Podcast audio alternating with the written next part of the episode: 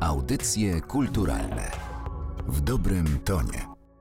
Przy mikrofonie Martyna Matwiejuk. Witam Państwa bardzo serdecznie w kolejnym odcinku Audycji Kulturalnych. Dziś moimi gośćmi są Grzegorz Rutkowski oraz Grzegorz Dumała z Muzeum Historii Polski, czyli współkuratorzy wystawy, przy okazji której się spotykamy. Witam Panów bardzo serdecznie. Dzień dobry. Dzień dobry. Wystawa, o której dziś porozmawiamy, zatytułowana jest Enigma zagadka rozwiązana. Została ona zrealizowana we współpracy Muzeum Historii Polski oraz Galerii Kordegarda. Od 9 listopada będą mogli Państwo się na nią wybrać. Enigma to jest takie hasło, które słyszał z pewnością każdy. Pewnie każdy potrafi też je skojarzyć z sukcesem złamania szyfru, złamania kodu, ale na pewno nie każdy wie, czym dokładnie ta Enigma była. Maszyna, która przecież początkowo była wykorzystywana komercyjnie.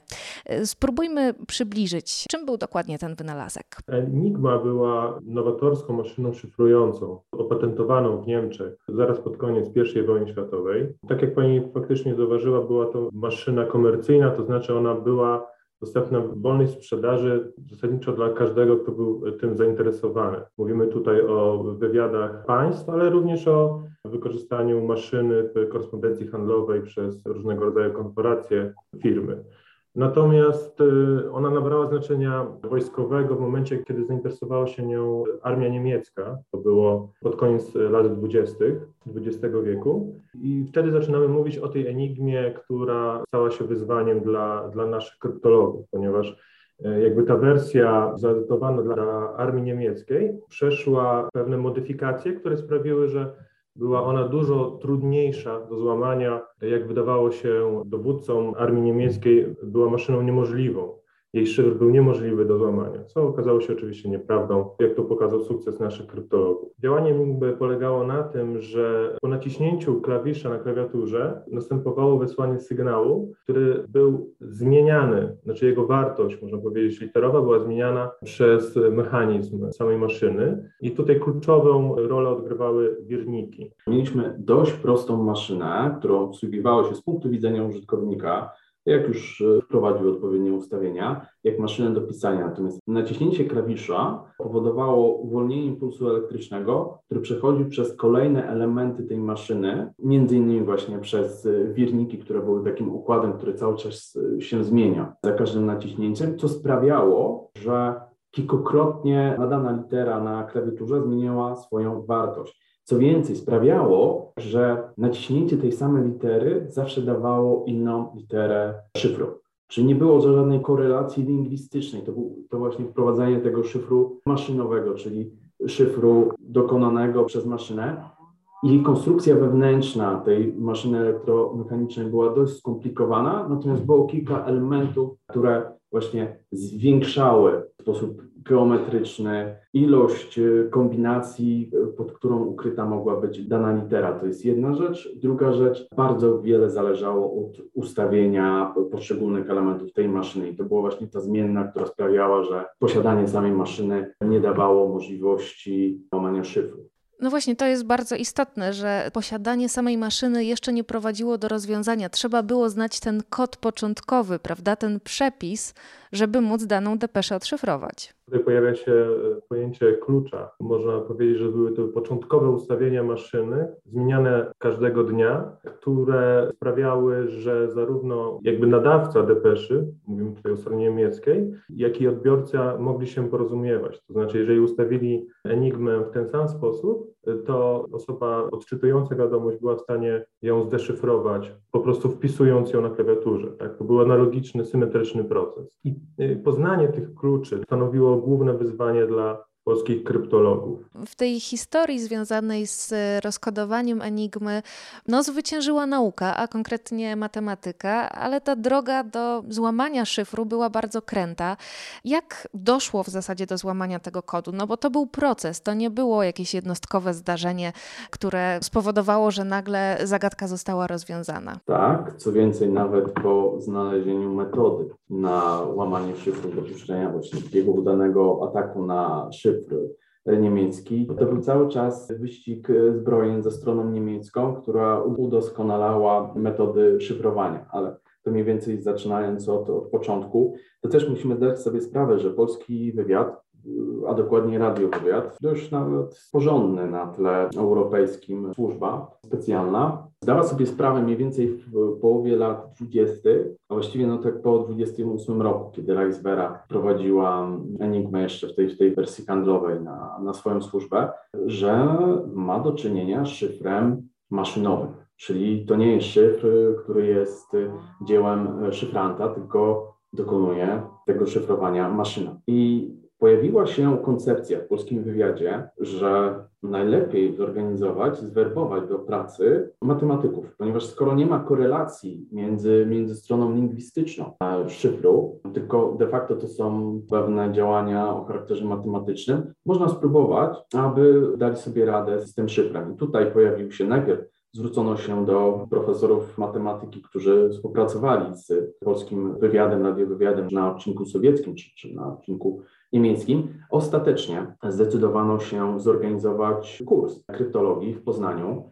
E, no i dlaczego Poznań? Ponieważ to dawało też e, pewien dodatkowy element pozytywny. To był dawny zabór niemiecki, więc było większe prawdopodobieństwo, że matematyk poza tym, że będzie miał pełny umysł, umysł matematyczny, dodatkowo jeszcze młody umysł, co też w wypadku matematyka, który musi się podjąć bardzo dużego wyzwania naukowego jest istotne, dodatkowo jeszcze osoby znające niemiecki, więc także znające specyfikę języka. Odbył się kurs w Poznaniu pod koniec lat 20. i wyselekcjonowano najpierw dwóch, później trzech najlepszych y, uczestników tego, tego kursu, czyli Mariana Rejewskiego, Henryka Zygalskiego i Jerzego Różyckiego. I z tego zasobu matematyków później oni podjęli współpracę z polskim wywiadem, najpierw w chwili biura szyfrów, właściwie późniejszego biura szyfrów w Poznaniu, później przenieśli się do Warszawy i to jeden z nich, Marian Rejewski, w pewnym momencie dostał zlecenie od polskiego wywiadu, właściwie od swoich przełożonych, żeby spróbować dokonać udanego ataku na, na szyfr Enigmy. I co ciekawe, matematyk z ołówkiem w ręku był w stanie tego dokonać i to dość stosunkowo krótkim, krótkim czasie ale to też dzięki temu, że wykorzystał analizę matematyczną, zaawansowaną analizę matematyczną, aby znaleźć pewne analogie, elementy powtarzające się w obrębie szyfru, aby dokonać tego udanego ataku na, na szyfr. I to się udało w grudniu 1932 roku, więc jak widzimy, koniec lat 20. polski wywiad się orientuje, że ma do czynienia z szyfrem maszynowym, no i podejmuje działania, które po czterech latach dają spory sukces. W tej historii też e, bardzo ważną rolę odegrały repliki Enigmy, które umożliwiły szybkie odszyfrowanie depesz. Jedną z takich replik będą Państwo mogli zobaczyć również na wystawie w Kordegardzie. To jest bardzo unikatowy eksponat, ponieważ e, większość tych replik została zniszczona po wybuchu II wojny światowej. E, jaka jest historia tego ocalałego eksponatu? Zanim jeszcze wspomnę o historii eksponatu będącego w posiadaniu muzeum, myślę, że warto wspomnieć o historii powstania polskiej polskiej repliki Enigmy, która zaczęła się jeszcze przed wojną. Znaczy, tak jak Pani wspomniała, aby usprawnić sposób odczytywania depeszy niemieckich, polski wywiad zlecił wytwórni AWA, to była wytwórnia założona w Warszawie pod koniec lat 20. przez oficerów polskiego wywiadu, która zajmowała się produkcją maszyn używanych przez biuro szyfrów. I ta wytwórnia AWA otrzymała zlecenie wytworzenia replik Enigmy niemieckiej na potrzeby polskiego wywiadu. Inżynierowie pracujący dla wytwórni AWA, będąc we Francji, rozebrali jeden z egzemplarzy Nigby i na jego podstawie wytworzyli dokumentację, która następnie posłużyła francuskim inżynierom do wytworzenia kolejnych replik, które miały wspomóc pracę polsko-francuskiego biura szyfrów zajmującego się odczytywaniem depesz niemieckich. Szacuje się, że przed wojną polski wywiad wytworzył około 50 replik niemieckiej Enigmy i one niemal wszystkie zostały zniszczone jeszcze we wrześniu 1939 roku, żeby ukryć działalność polskiego wywiadu, żeby Niemcy nie, nie odkryli, że Polacy byli przez niemal całe lata 30 w stanie odczytywać ich zaszyfrowane depesze. Natomiast y, dwa egzemplarze tych replik udało się Polakom wywieźć z zajechanego kraju i przerzucić do Francji.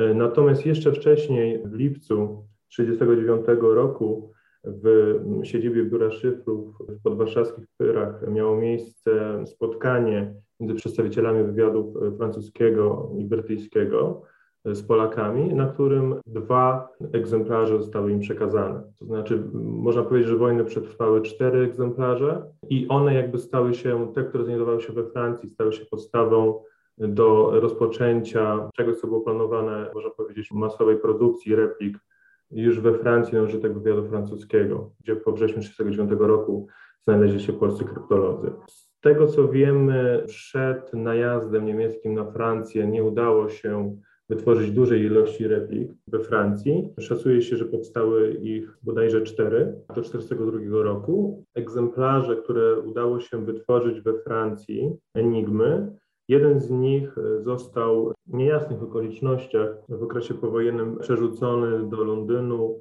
i znalazł się w posiadaniu Instytutu Józefa Piłsudskiego w Londynie. I z tegoż instytutu nabyło go Muzeum Historii Polski i właśnie ten egzemplarz będzie prezentowany na wystawie stałej muzeum.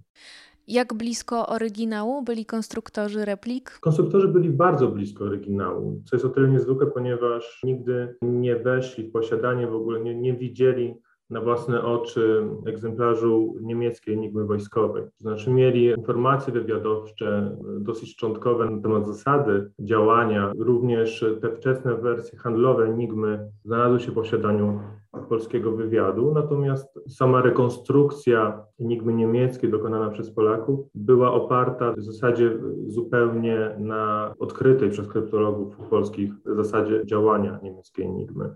Co też widać oglądając, porównując e, oba eksponaty, ponieważ widzimy, że mamy do czynienia zasadniczo z taką samą konstrukcją, która jednak ma pewne rzucające się w oczy różnice. Znaczy tu podstawową różnicą jest położenie tak zwanej łącznicy, która w enigmie niemieckiej znajduje się na przedniej ścianie maszyny, natomiast w replice wytworzonej przez Polaków znajduje się w tylnej części obudowy. To jest podstawowa różnica. Drugą na przykład różnicą jest również układ klawiatury, która w niemieckiej enigmie e, miała taki klasyczny dla krajów niemieckojęzycznych układ QRTZ, Natomiast w enigmie wytworzonej przez Polaków był to układ alfabetyczny ABCDEF. Mówi się o tym, że złamanie kodu Enigmy skróciło całą wojnę. Niektórzy uważają, że mogło wpłynąć również na jej wynik.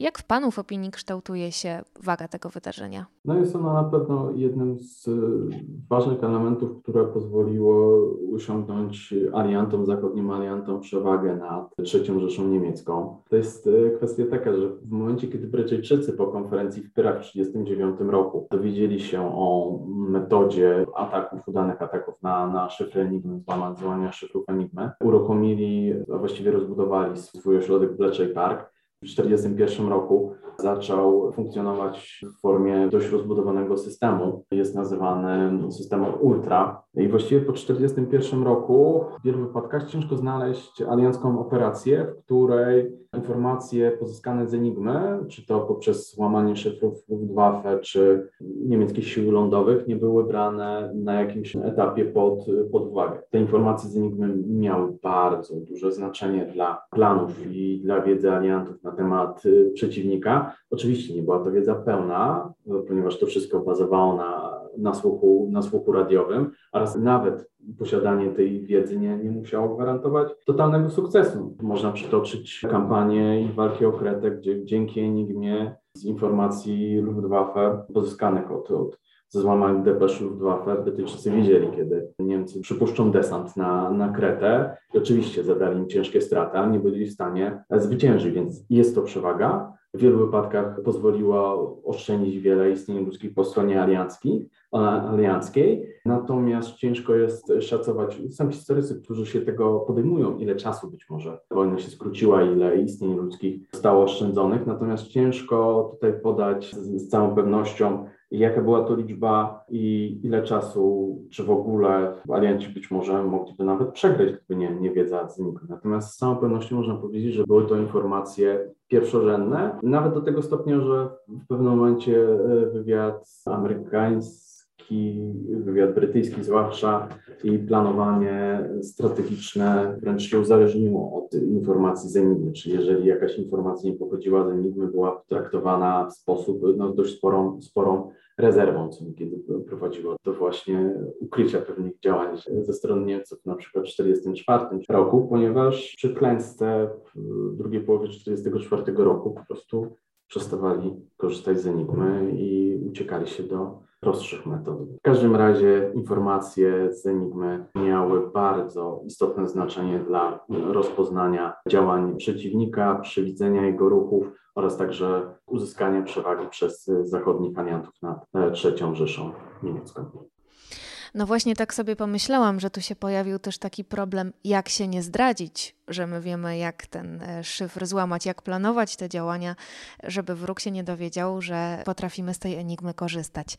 No ale to jest pewnie już e, na dłuższą rozmowę i na inny podcast. E, oryginał Enigmy, a także jej replikę będą Państwo mogli zobaczyć na wystawie zatytułowanej Enigma, zagadka rozwiązana już od 9 listopada w Galerii Kordegarda, Galerii Narodowego Centrum Kultury. Dziś o tej ekspozycji, o historii Enigmy mówili w audycjach kulturalnych pan Grzegorz Dumała oraz pan Grzegorz Rutkowski. Bardzo dziękuję za nasze dzisiejsze spotkanie. Audycje kulturalne w dobrym tonie.